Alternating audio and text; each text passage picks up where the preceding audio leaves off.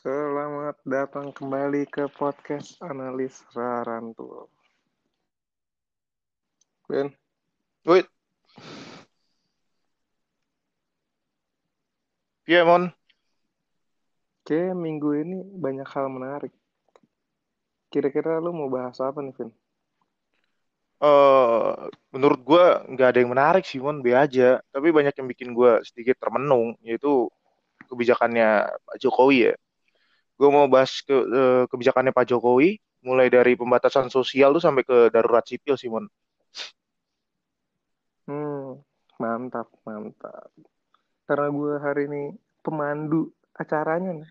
Langsung aja kita mulai, Vin. Gue cuma mau nanya-nanya doang. Ya udahlah, kita mulai dari Kepres ya. Ke Kepres nomor 11 tahun 2020. Eh, itu kemarin dikeluarkan Pak Jokowi. Itu Pak Jokowi menetapkan coronavirus disease COVID-19 itu sebagai penyakit yang menimbulkan kedaruratan kesehatan masyarakat. Itu bunyi di Kepresnya ya. Eh, ya menurut gue ini sebuah keputusan yang lagi-lagi biasa aja. Yang nggak biasa itu kenapa baru diambil sekarang gitu. Kebijakannya baru ditetapkan sekarang. Kenapa nggak dari awal-awal gitu. Udah nunggu kasus ini udah banyak, udah merebak di masyarakat, baru ditetapkan nih darurat masyarakat ya. Kenapa nggak dari kemarin? Nah, gue gue di sini sedikit mau ngingetin lagi di episode satu di episode satu kan kita sempat nyinggung soal eh, pembatasan sosial berskala besar ya. Yoi. Eh, gue mau sedikit ngomongin dasar hukum PSBB itu ya, yang ada di Undang-Undang Nomor 6 Tahun 2018. Nah, jadi Pak Presiden di Kepres itu, Kepres yang tadi, dia menetapkan akhirnya untuk em, melaksanakan PSBB. Nah, jadi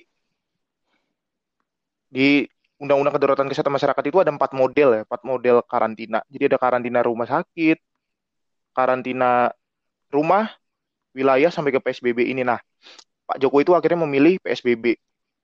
Gue akan bahas eh, dasar hukumnya dulu ya eh, soal PSBB ini. Gue singkat PSBB. Jadi PSB, PSBB itu kepanjangannya pembatasan pembatasan sosial berskala besar.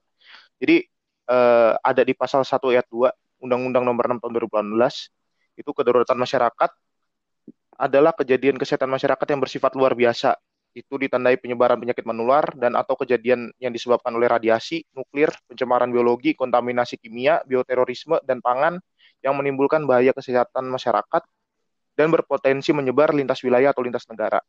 Nah, PSBB ini timbul dari respon tadi, pasal yang gue bacain tadi. Nah, itu ada di pasal 1 ayat 11. Pembatasan sosial berskala besar adalah pembatasan kegiatan tertentu penduduk dalam suatu wilayah yang diduga terinfeksi penyakit dan atau terkontaminasi sedemikian rupa untuk mencegah kemungkinan penyebaran atau kontaminasi.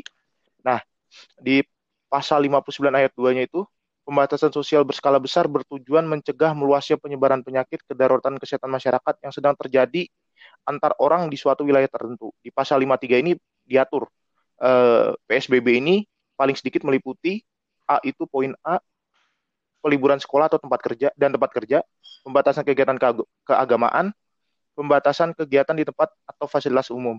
Nah, atas amanat pasal 1 ayat 2 inilah yang menjadi dasar pemerintah ngeluarin Kepres soal PSBB ini. Sebenarnya di Undang-Undang nomor 6 tahun 2018 ini ada tadi empat opsi yang gue bacain tadi ya. Tapi Hmm. akhirnya pemerintah itu memutuskan untuk milih PSBB. Nah, sampai di sini mungkin lo ada pertanyaan dulu, Mon? Udah bagus banget, Vin, penjelasan lo asli. Ini kayak waktu kita ini kita sampai undur-undur nih sampai akhirnya hari ini kita baru Heeh, buat karena gue podcast lagi. karena gue nunggu permen case-nya dulu. Nah, eh, dari Kepres tadi turunlah PP nih Mon sebagai tata pelaksanaan PSBB. Nah, gue mau bahas sedikit aja sih dari PP ini karena emang pasalnya nggak terlalu banyak. Jadi buat kalian yang pengen baca PP-nya itu secara lengkap ada di tuh? Google, di Google cari aja PP nomor 21 tahun 2020. Nah, di pasal satunya itu dalam peraturan pemerintah ini yang dimaksud dengan PSBB adalah pembatasan kegiatan tertentu dalam suatu wilayah yang diduga terinfeksi coronavirus COVID-19 sedemikian rupa untuk mencegah. Nah, ini ini sebenarnya udah ada tadi ya di undang-undang ini kopas saja sih pasal satu ini. Terus iya ini emang pemerintah emang enak banget tinggal kopas aja. Nah, di pasal satu ini kata kuncinya pembatasan ya, pembatasan kegiatan tertentu dalam suatu wilayah. Di sini berarti aktivitas tertentu dalam masyarakat itu masih tetap berjalan, Mon, tidak berhenti total. Mm-mm. di pasal contohnya 2 apa ya tuh? Bisa nggak nanti nanti nanti nanti kita bakal bahas eh ininya lebih detailnya. Nah, di pasal 2 itu dengan persetujuan menteri. Nah, jadi eh penetapan PSBB itu harus persetujuan menteri ya. Jadi di pasal 2 ini dengan persetujuan menteri yang menyelenggarakan urusan pemerintah di bidang kesehatan, pemerintah daerah dapat melakukan pembatasan sosial berskala besar atau pembatasan terhadap pergerakan orang dan barang untuk satu provinsi atau kabupaten tertentu. Di pasal 6 itu eh, pemberlakuan sosial berskala besar diusulkan oleh gubernur. Terus eh, menteri yang menyelenggarakan urusan pem- ya ini ini penetapannya ya. Jadi modelnya itu misalkan lu Jakarta Pusat ya Mon ya. Jadi Hmm. eh, wali kota Jakarta Pusat itu oh enggak berarti gubernur deh. Gubernur gubernur lu itu harus ngusulin dulu nih. Oh, gue pengen PSBB Jakarta nih. Nah, itu nanti dia ngirimin kayak eh, surat kayak apa gitu untuk dikirim ke Kemenkes. Jadi nanti yang Kemenkes ini yang menyetujui suatu wilayah ini layak nggak untuk di PSBB kan gitu. Hmm. Nah, di pasal 3 ini ada kriterianya, Mon. Jadi kalau lu mau mau ngajuin PSBB, itu ada kriterianya. Ini di yang gua dapat di pasal 3 itu eh, jumlah kasus atau jumlah kematian akibat penyakit meningkat dan menyebar secara signifikan dan cepat ke beberapa, eh, beberapa wilayah dan poin B-nya itu terdapat kaitan epi- epidemiologis dengan kejadian serupa di wilayah atau negara lain. Jadi harus memenuhi kriteria dulu nih jumlah kasusnya berapa, jumlah kematiannya berapa, itu harus disertakan di dalam eh, apa namanya disertakan dalam eh, surat itu nanti yang dikirim ke Kemenkes. Nah, emang apa aja sih yang dibatasi? Nah, ini diatur di pasal 4. Lagi-lagi nih kopas sih. Itu eh, pembatasan sosial berskala besar paling sedikit meliputi. Nah, ini ngopas juga nih. Eh, peliburan sekolah dan tempat kerja, pembatasan kegiatan keagamaan, pembatasan kegiatan di tempat umum. Terus eh, gue sih dapat dapat kerancuan ya Mon ya dalam PP ini ya. Misalkan eh, peliburan ya. Peliburan ini kalau kita mau pakai KBBI ya Mon ya. Libur itu Hmm. kan artinya bebas dari bekerja dan atau masuk sekolah ya. Nah, sekarang pemerintah nyuruh kerja dari rumah. Kita libur atau emang tetap kerja sih? Nah, ini nggak diatur dalam PP ini. Inilah kerancuan yang gue temukan dalam undang-undang dan PP ini karena memang tidak dijelaskan secara detail. Mungkin lo ada Mak- Maksudnya libur dalam arti apa? Nah, itu itu nggak dijelasin secara detail. Karena kalau kita mau ngikutin undang, kalau mau ngikutin KBBI, libur itu ya artinya bebas dari bekerja atau masuk sekolah. Kayak lu Hmm. kuliah nih, lu harusnya terbebas dari UTS, terbebas dari tugas. Kalau kalau definisinya libur ya, kalau dari Oh, kalau diliburkan ya? Harusnya itu total, lu nggak ngapa-ngapain. Nah, sebagai menteri yang ditugaskan oleh PP, oleh peraturan pemerintah untuk menyelenggarakan urusan pemerintah di bidang kesehatan, maka Pak Terawan disuruh Pak Jokowi nih bikin Oke. Permenkes sebagai tata cara operasional pelaksanaan PP PSBB tadi yang kita sempat bahas. Nah, bagus tuh dikasih tahu Di sini, cara-caranya. nah, nah, di sini lebih banyak bakal bahas teknis pelaksanaan PSBB ini kayak ini kayak mana sih pelaksanaannya. Nah, tadi kita sempat singgung cara permohonan PSBB itu ada diatur di dalam Permenkes ini. Eh, itu ada di pasal 3. Jadi menteri menetapkan pembatasan sosial berskala besar di suatu wilayah berdasarkan permohonan gubernur, bupati atau wali kota. Jadi permohonan ya. Hmm. Terus permohonan eh, dari gubernur sebagaimana dimaksud dalam pasal 1 untuk lingkup satu provinsi atau kabupaten tertentu. Nah, jadi misalkan eh, Ridwan Kamil ya, Pak Ridwan Kamil tuh gubernurnya Jawa Barat. Misalkan dia pengen eh, apa namanya pengen eh, PSBB-in Bandung misalkan. Nah, itu nanti wali kota Bandung itu ngirim dulu mau ngirim dulu permohonan ke gubernur, baru gubernur nanti menyetujui apa enggak nih permohonannya wali kota Hmm. Bandung. Baru nanti setelah disetujui sama gubernur, baru ke Kemenkes nih, Kemenkes nyetujuin apa enggak. Ya menurut gua agak-agak birokrasinya agak berbelit sih, Mun. Kalau emang misalkan kayak wali kota Bandung, kalau emang urgent banget ya langsung aja ke Kemenkes. Ngapain sih harus lewat gubernur dulu? Itu yang Nah, agak-agak, tapi menurut gue bagus sih, Pin. Itu namanya hierarkis, Pin. Jadi iya, iya, iya. langsung ke pusatnya.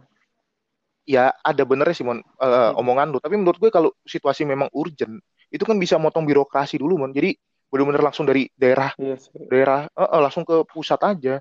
Nah, eh, nah ini nih pasal 4 itu di, diatur gubernur, bupati, wali kota dalam mengajukan permohonan PSBB ini kepada menteri harus disertai dengan data. Itu poin A-nya peningkatan jumlah kasus menurut waktu, penyebaran kasus menurut waktu dan kejadian transmisi lokal. Jadi harus disertai data-data seperti itu ya. Jadi nggak nggak bisa nggak bisa seenaknya aja gitu. Ngirim apa promo data yang lengkap. Iya benar sistematis banget lah ya Nah. istilahnya. Nah, sistematis banget. Nah, ini ini sampai di di ayat keduanya itu data peningkatan jumlah kasus menurut waktu sebagaimana yang dimaksud pada ayat 1 huruf A disertai harus disertai dengan kurva epidemiologi.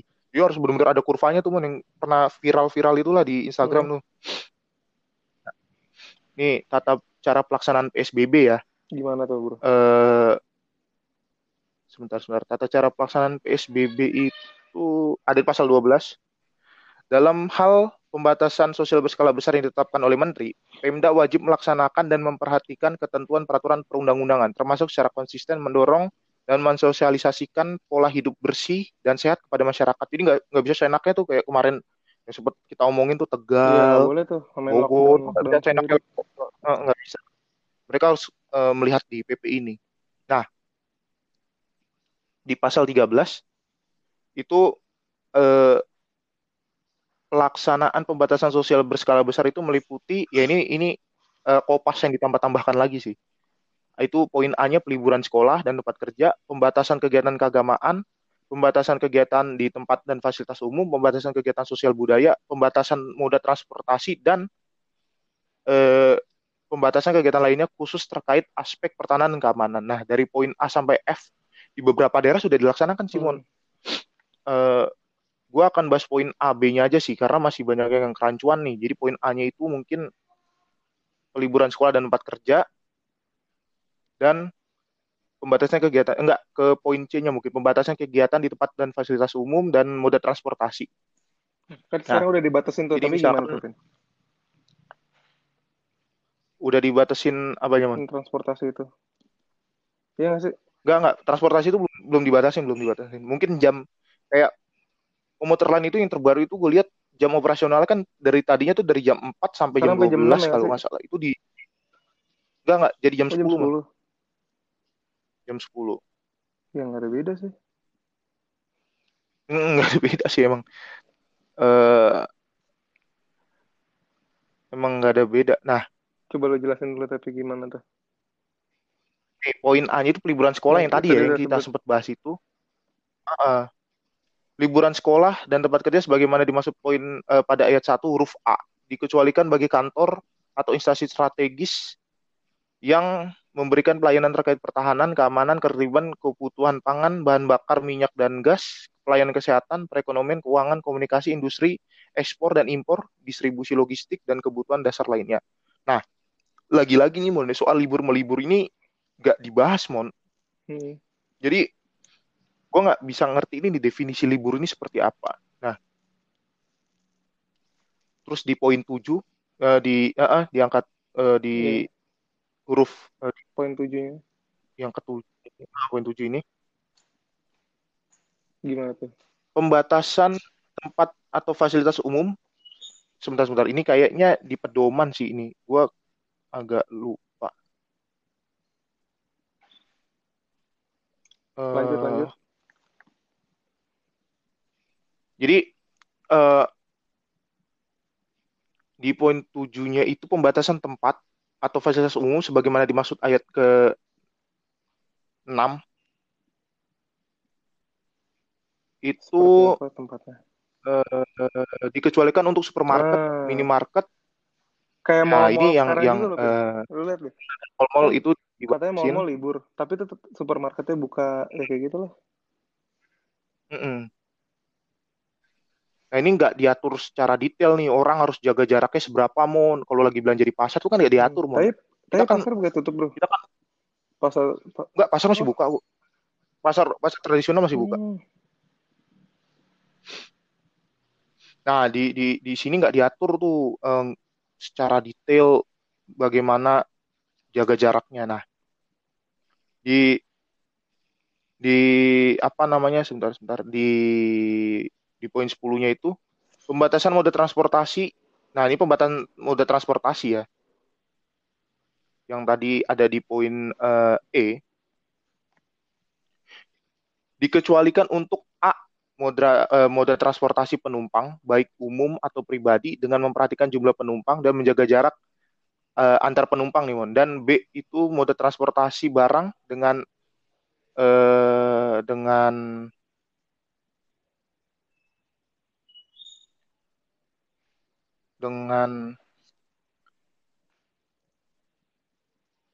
dengan memperhatikan jarak antar penumpang dan moda transportasi barang memperhatikan pemenuhan kebutuhan dasar penduduk. Nah ini juga nggak di, diatur secara detail. Kayak misalkan lu mau pulang kampung nih mon ke Solo kan, itu nggak diatur nih. Lu sebis itu kapasitasnya yang tadinya bisa 40 orang itu diatur se, se apa ya sedetail itu untuk mencegah corona nih minimal eh maksimal satu bis berapa itu nggak diatur secara detail. Hmm. Nah itu kan nggak diatur secara detail. Jadi nah ini yang cukup menarik eh, soal ini ya apa namanya sih penyetopan penyetopan eh lu kemarin kan sempat sempat beredar tuh mon yang surat edaran surat edaran dari eh, badan apa sih kemarin badan transportasi Jakarta tuh yang pengen nutup oh. yang pengen nutup oh, oh, kereta iya, iya. nyetopin busway apa sempat sempat ini kan ya? Sempat ini kan apa namanya viral. Sempat viral tuh nah uh, uh, teman-teman gue yang kerja kan rata-rata ada yang naik kereta naik busway itu banyak yang tanya ke gue. Bener nggak sih? Gitu. uh, tapi kalau bener nggak sih? Itu sebenarnya bener kalau lihat lagi beritanya tuh kata-katanya beda gitu. Beda gimana? Maksudnya itu kayak clickbait gitu loh. Clickbait maksudnya? Judul dari beritanya sama isi berita itu beda. Ya nggak sih Iya, iya, iya. Uh, uh, gue sempat bikin bikin bikin apa namanya? uh, bikin kayak sempat bikin kayak snapgram. Itu beritanya di CNN apa di mana gitu? Gue lupa. Dia bilang uh, mulai besok uh, moda transportasi di Jakarta akan ditutup semua. Tuh gue bilang padahal di, di di surat edaran sendiri di surat edarannya itu kalau lu mau detail baca ya mana itu sebenarnya dia merekomendasikan mon. Bukan bukan dia nyetop bukan dia nutup. Dia juga nggak punya kewenangan untuk nutup itu. Iyalah. Belum ada izin apa apa dia tuh modelnya sebar sebarin apa langsung nah itu sih uh, kalau gue dari gue kalau menyimpulkan dari ayat yang tadi tentang pembatasan moda transportasi hmm. ya mon ya. Jadi meskipun suatu daerah itu sudah ditetapkan jadi PSBB kepala daerahnya itu nggak bisa sewenang-wenangnya pergerakan transportasi, apa, transportasi di wilayahnya. Jadi misalkan gini, Jakarta di PSBB lah ya, itu nanti Pak Anies itu nggak punya kewenangan untuk nyetop KRL, nyetop busway, nyetop apa pun tuh nggak punya. Berhak tuh siapa? Kalau gue mau lihat, kalau menurut lo? Nggak, nggak, nggak bisa di PSBB ini nggak bisa. Jadi pergerakan transportasi itu tetap ada. Kalau mau di, di, di, dibaca lagi ya di pasal satu huruf E ini dikecualikan untuk pembatasan moda transportasi sebagaimana yang dimaksud ayat 1 huruf E dikecualikan untuk moda transportasi umum baik uh, umum maupun pribadi dengan memperhatikan jumlah penumpang. Jadi nggak nggak nggak nggak bisa ditutup mon. Itu cuma dibatasi doang. Jadi gubernur atau uh, kepala daerah yang sudah di PSBB kan daerahnya itu cuma punya kewenangan itu untuk membatasi mon membatasi jumlah penumpang di dalam suatu misalkan di bis atau apa dia nggak punya kewenangan untuk stop si transportasinya ini Hmm. Jadi waktu gue baca edarannya itu gue agak-agak tergelitik. Waktu itu kan presiden baru umumin uh, akan PSBB ya, belum ada kepres apalagi PP-nya. Kok udah bisa-bisa yang ngeluarin itu. Nah, uh, itu yang ini yang uh, dari dari yang gue bahas di atas ya, yeah. itu gue bisa dari kesimpulan kayak gini sih bahwa apa yang diatur dalam PP maupun Permenkes ini cuma melegalkan apa yang sudah dilakukan daerah. Jadi kayak uh, Pak Anies itu kan udah sempat meliburkan sekolah, meliburkan uh, tempat kerja. Yeah. Nah itu kan dia kan melakukan itu gak ada dasar hukumnya, uh, gak ada dasar hukumnya tuh mau dia ngelakuin aja emang karena benar-benar plurli dia pengen nyelamatin warganya. Hmm. Nah sama Pak Jokowi ini dikeluarin lah PP, dikeluarin lah Kepres yang benar-benar buat melegalkan tindakannya Pak Anies ini. Terus ya gue gue sih bisa menilai apa yang dilakukan pemerintah pusat ini Bagus, Ben. Hanya untuk ya ya hanya ya ya bagus sih Mon, tapi menurut gue telat. Kenapa baru sekarang gitu? Kenapa baru sekarang keluar tuh gue gue agak-agak nggak masuk akal sih. Telat banget mon kalau dikeluarin dari sekarang. Iya sih tapi kan lebih baik telat daripada nggak sama sekali. Nah iya bisa sih mon. Nah sempat tuh kemarin Pak Jokowi itu kan ngomongin soal darurat sipil ya? Iya saya nah. nggak bagus ya sebenarnya kan kalau menurut gue sebelum mungkin ada ada yang mau lu iniin dulu mon. Enggak gue sambil gue nyari. Apa ya ngomong-ngomong libur nih katanya libur mau direvisi pin tanggal pin? Oh iya yang itu ah, ah, ah. ini kan? Bisa aja jadi lebih panjang atau dipindahin mungkin. Kita masih nunggu kabarnya nanti. Tapi kalau lu tadi sore nonton konferensi persnya uh, jubir corona mon ya? Ya yeah. dia itu sempat sempat apa sih namanya ah sempat kayak ya di di di di mimbarnya dia itu hashtagnya tuh hashtag tunda mudik mon. Iya tunda mudik. Soalnya kan katanya um, bakal dipindahin kan? Nah bakal dipindahin libur itu tadi. Mm -mm. itu sebenarnya kenapa gue bisa menilai eh kenapa gue bisa memprediksikan emang akan diundur sih libur ini. Maksudnya setelah covid mereda gue gua gue prediksi sih bulan-bulan September bulan September November itu bakal kita bakal libur panjang adil sih, sih menurut gue pin tapi kan sebenarnya kan kita ya, adil sih. kan nggak libur kan kita kan nggak libur. Bener-bener Nggak boleh, gue kayak, apa kayak benar-benar from home apa semua segala segala macem. Mm, mm, mm. istilahnya tuh ya Pin ya. jadi Bat Hmm. Batman itu kalah sama Batman Pin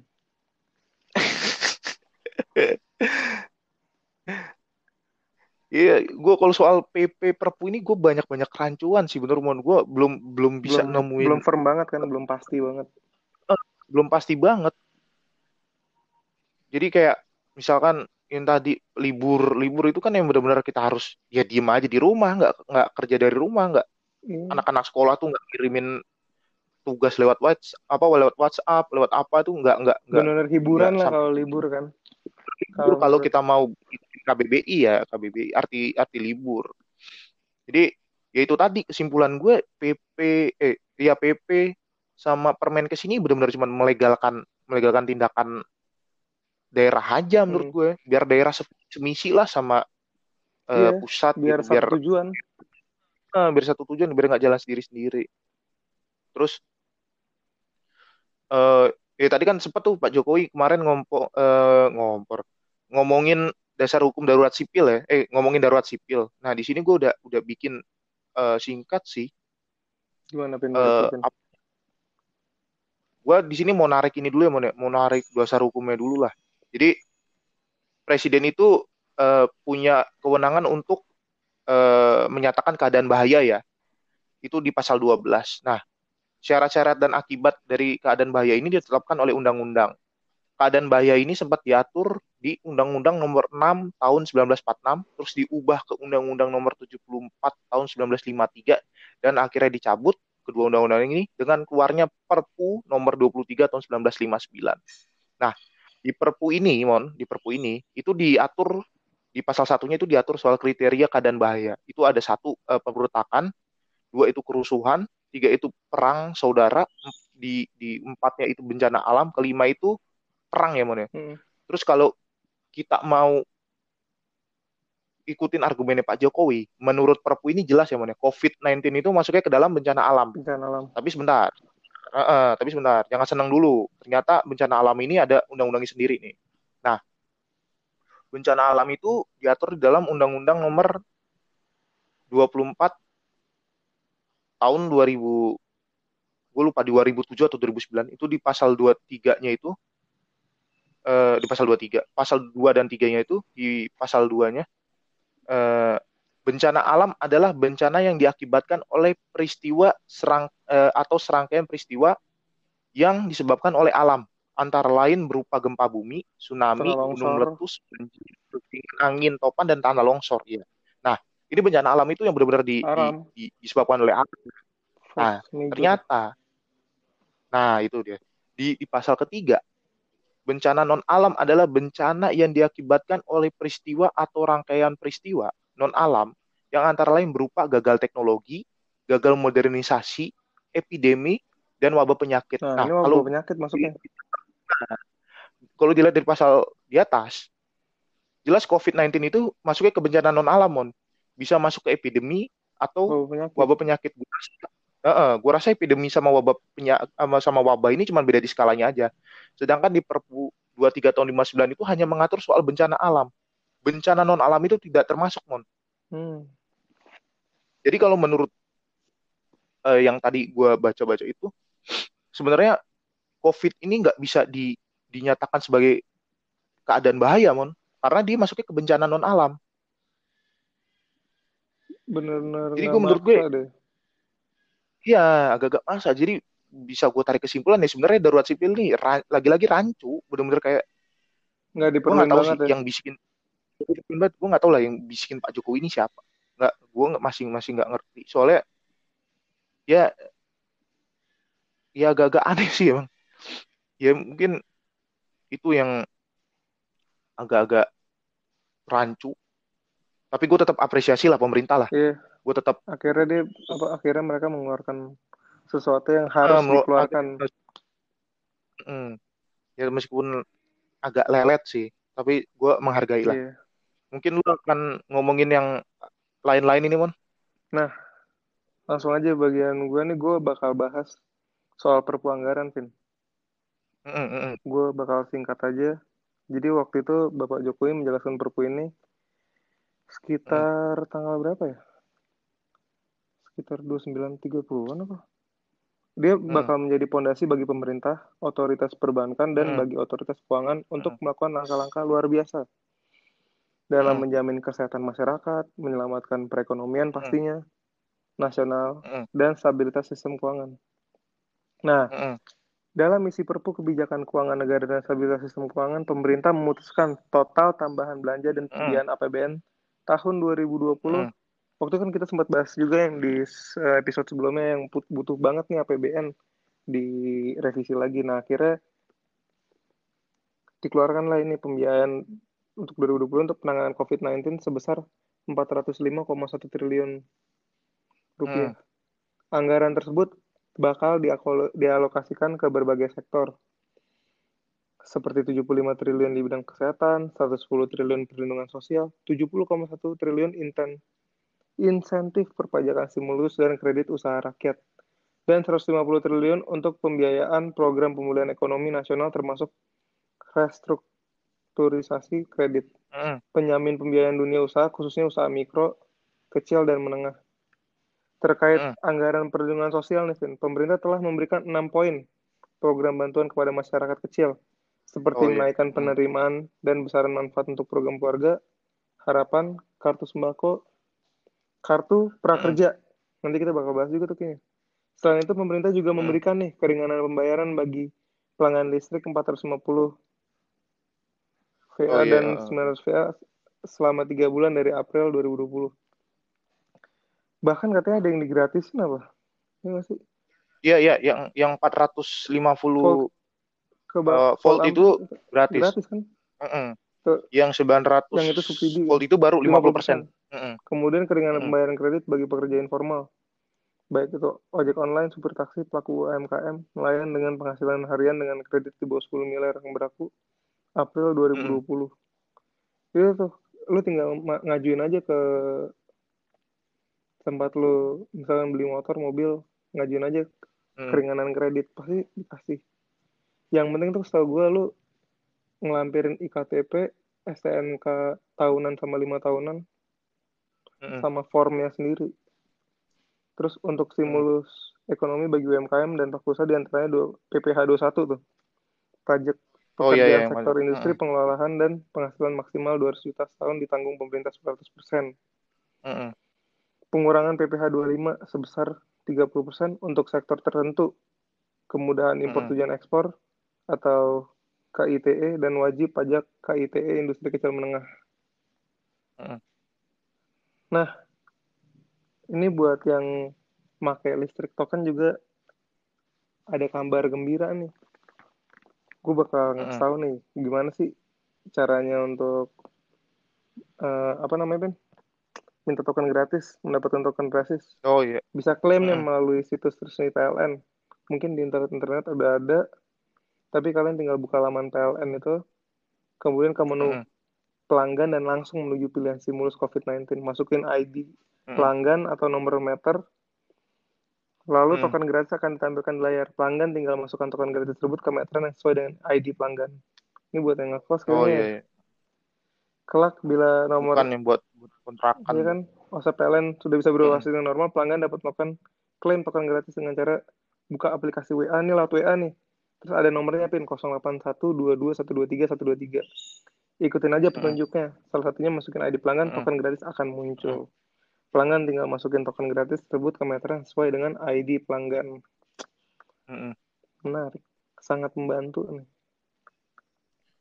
Tapi itu banyak banget permasalahan sih, Mut. Eh, jadi kan yang tadi kita ambil co- contoh ya yang soal apa sih yang soal eh, kredit motor itu tadi tuh. Mm-mm. Nah, pemerintah itu nggak ngasih tahu tata cara pelaksanaannya, Mon. Jadi benar-benar kita kita tuh kayak ngawang-ngawang. Gue pengen ngajuin ini ke mana nih ya? Kok pemerintah kok nggak ngasih tahu gitu? Maksudnya nggak ada sosialisasi yang sosialisasi Hmm. yang baik gitu dari dari dari dari pemerintah Tapi ke sih masyarakat. kemarin Pin, Gue gue eh, lu bisa kalau Hmm. misalkan lu finance pakai BCA itu, lu tinggal ngajuin ke website BCA, lu buka BCA tuh. Ntar ada tulisannya tuh, Mm-mm. lu minta keringanan kredit karena apa? Itu biasanya ada tulisannya COVID-19, lu tinggal Oh ada pencet, kalau kalau BCA. BCA ada tuh. Lu tinggal pencet tuh, cekrek. Nah iya. Ntar lu suruh download formnya, lu tulis ya, abis itu Hmm. lu scan email, terus lu suruh Hmm. foto usaha lu, usaha lu di mana, Hmm, mm, mm. foto kendaraan lu beserta plat nomor sama foto Ya, STNK kalau bang setahunan sama kalau bang tahunan. bang eh, kalau bang bang itu ya ya gue percaya udah sih Mun. kayak, kayak misalkan kayak leasing motor gitu ojek ojek Nah iya online gitu kan itu kan kurang sosialisasi gitu mereka tuh kayak gimana ya biar dapet gitu itu juga belum belum banyak yang belum tahu gitu nah sebenarnya kalau ngomongin perpu perpu anggaran ini gue cuma mau nyorotin itu satu pasal sih Mon Apa tuh? itu di pasal 27 ya disebutkan bahwa kebijakan keuangan baik pusat dan daerah merupakan bagian dari biaya ekonomi untuk penyelamatan perekonomian dari krisis dan bukan merupakan keru- kerugian negara. Maka pejabat yang terkait tidak dapat dituntut baik perdata, pidana maupun melalui pengadilan tata usaha negara. Jadi ibaratnya gini Mon, eh, lu beli beli APD ya misalkan, Hmm. misalkan lu kepala daerah ya, lu beli APD, itu harga normalnya misalkan satu set itu ambil lima ratus ribu, Heeh, ternyata lu beli itu satu juta, juta. beli satu juta, Eh, eh, karena stok stoknya menipis atau gimana kan lu akhirnya beli satu juta, tiba-tiba mungkin setelah COVID mereda eh, ditemukanlah di situ bahwa ada penyelewengan. Kok dari tadi yang tadinya harganya cuma lima ratus ribu, kok bisa jadi satu juta? Berarti kan ada kerugian negara lima ratus ribu tuh kan berarti di dalam satu set APD. Nah itu nggak bisa di ini mon, nggak bisa di nggak bisa dipidanakan. Hmm. Nah ini di pasal 27. Itu aja sih kalau gue di perpu anggaran ini. Ya yang lain-lain tadi yang lu omongin itu yang soal listrik gratis, listrik eh, free lim eh apa free eh, listrik diskon 50% ya menurut gue tinggal sosialisasi dari pemerintah Iya. aja sih mon. Udah banyak sih di berita-berita juga. Bahkan udah di media-media media-media TV, eh, media internet juga udah mulai-mulai sih kan. Iya udah mulai-mulai. Maksudnya lebih digalakkan lagi lah. Yaudah Pin, kayak kita udah kelamaan. Kita langsung aja. Nih Pin, gue ada nih. Apa? Nah, tapi tapi sedikit dulu Apa, mon, sedikit dulu mon. Sebelum kita sebelum kita eh, ini ini gue soal soal napi mon. Wah, gimana Pin? Itu ba- dibebasin mungkin kalau berdasarkan yang gue tangkap sih, memang yang dibebasin Hmm. yang udah hampir-hampir mau bebas gitu loh Pin. Mm-mm. Yang udah mau hampir bebas ya udahlah. Menurut gue sih nggak apa-apa. Ada rasa Mm-mm. kemanusiaan itu kan. Mm-mm. Tapi kalau yang Jadi kayak koruptor Apanya? itu gimana ya? Nah, sebentar. Jadi gini, dalilnya pemerintah itu membebaskan membebaskan napi itu karena over Iya, overcapacity. Jadi uh, over capacity. Jadi penjara itu over itu 126%. Lu bayangin over itu 126%. Kalau mau dihitung berapa orang itu sekitar 130 sampai 140 ribu orang yang yang overnya tuh. Nah, jadi beberapa negara itu nggak cuma Indonesia, itu kayak Iran, mm-hmm. terus Amerika, itu juga udah ngebebasin yeah. juga karena sekarang lu bayangin aja satu sel dua kali tiga diisi yeah, lima orang, ya penyebaran COVID-nya nggak masuk akal, COVID-nya juga makin cepat. Gue setuju dengan pembebasan napi ini untuk tindakan pidana umum, mon. bukan yang extraordinary nah. crime kayak korupsi, kayak e, narkoba dan lain-lain itu gue gue terorisme itu gue nggak setuju. Tapi kalau yang soal tindak pidana umum kayak ya, elah eh. pencurian, penghinaan, pencemaran nama baik ya. atau apa, silakan lah dibebasin. Mm -mm. Nah itu juga di, udah di udah ditegaskan sama Pak Mahfud mon. Tadi siang dia bikin video gitu di Twitter. Gue gue nonton di Twitter. Dia bilang gitu tidak pemerintah itu tidak berencana untuk mengubah eh, PP hmm. itu. Tidak gue lupa PP-nya apa. Dia tidak tidak berencana untuk mengubah PP tidak berencana juga untuk membebaskan eh, napi-napi koruptor. Tapi lebih ke pembebasan napi-napi tindak pidana hmm. umum. Gitu sih. Gue mau meluruskan aja lah gitu. Jadi kira-kira sebelum kita closing lu mau ada tambahan ya, yang tadi kita udah searching-searching bareng tuh Pin ini ada langkah perlindungan hmm. sosial dan stimulus ekonomi menghadapi dampak COVID-19. Hmm. Ini diumumin hmm. oleh Bapak Presiden kita, Bapak Joko Widodo, pada tanggal 31 Maret 2020. Berarti lima hari yang lalu, ya? enam hari yang lalu. Ini ada pertama nih PKH pin. PKH hmm. apa sih? Program Keluarga Harapan. Hmm. Iya, ya kan? Uh. Jumlah keluarga penerima akan hmm. ditingkatkan dari 9,2 juta menjadi 10 juta keluarga. Besaran manfaat akan hmm. dinaikkan 25%. Ya. Hmm. Misalkan komponen ibu hamil 2,4 juta hmm. rupiah menjadi 3 juta rupiah per tahun. Komponen anak usia dini hmm. 3 juta rupiah per tahun. Komponen disabilitas 2,4 juta rupiah per tahun. Dan hmm. kebijakan ini efektif mulai April 2020 terus ada kartu hmm. sembako. Jumlah pen ya. Oh iya iya uh. gue bakal kasih tau aja deh apa ini programnya. Ada itu tadi kan yang pertama program keluarga harapan kedua kartu sembako tiga kartu prakerja. Nah ini tadi tarif listrik antisipasi kebutuhan pokok dan keringanan pembayaran kredit. Tadi kita udah bahas yang ke keringanan pembayaran kredit tarif listrik ya? Ya itu aja sih. Hmm. Terus gimana, Pen? Jadi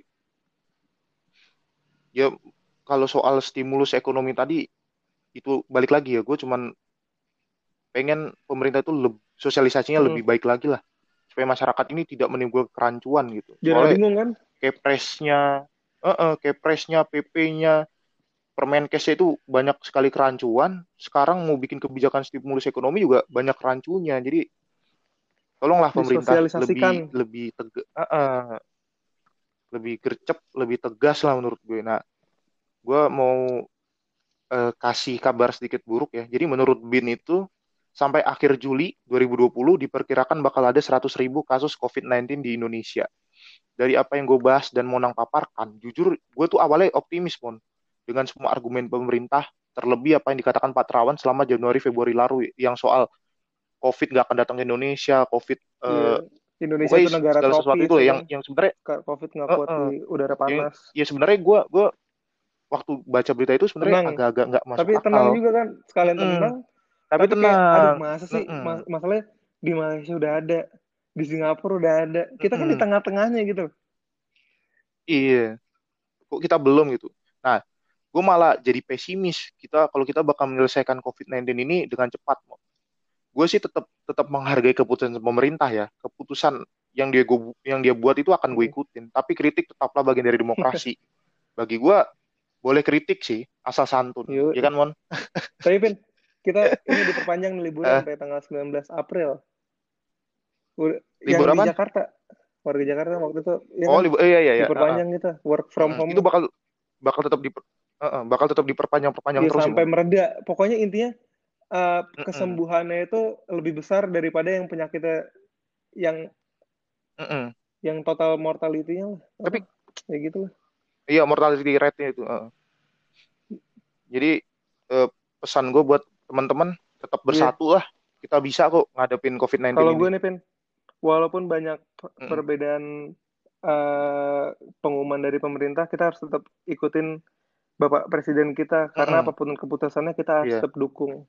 Karena apa pun kebijakannya, apa pun perintahnya itu adalah yang terbaik buat bangsa ini. Gitu aja sih, Pin. Iya.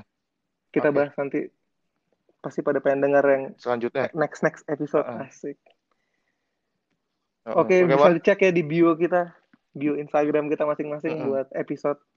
Berapa nih, Pin? Empat. Wah, episode berasa, 4. ternyata. Oke okay lah. Oke okay lah. Sehat-sehat, Pin. Yuk.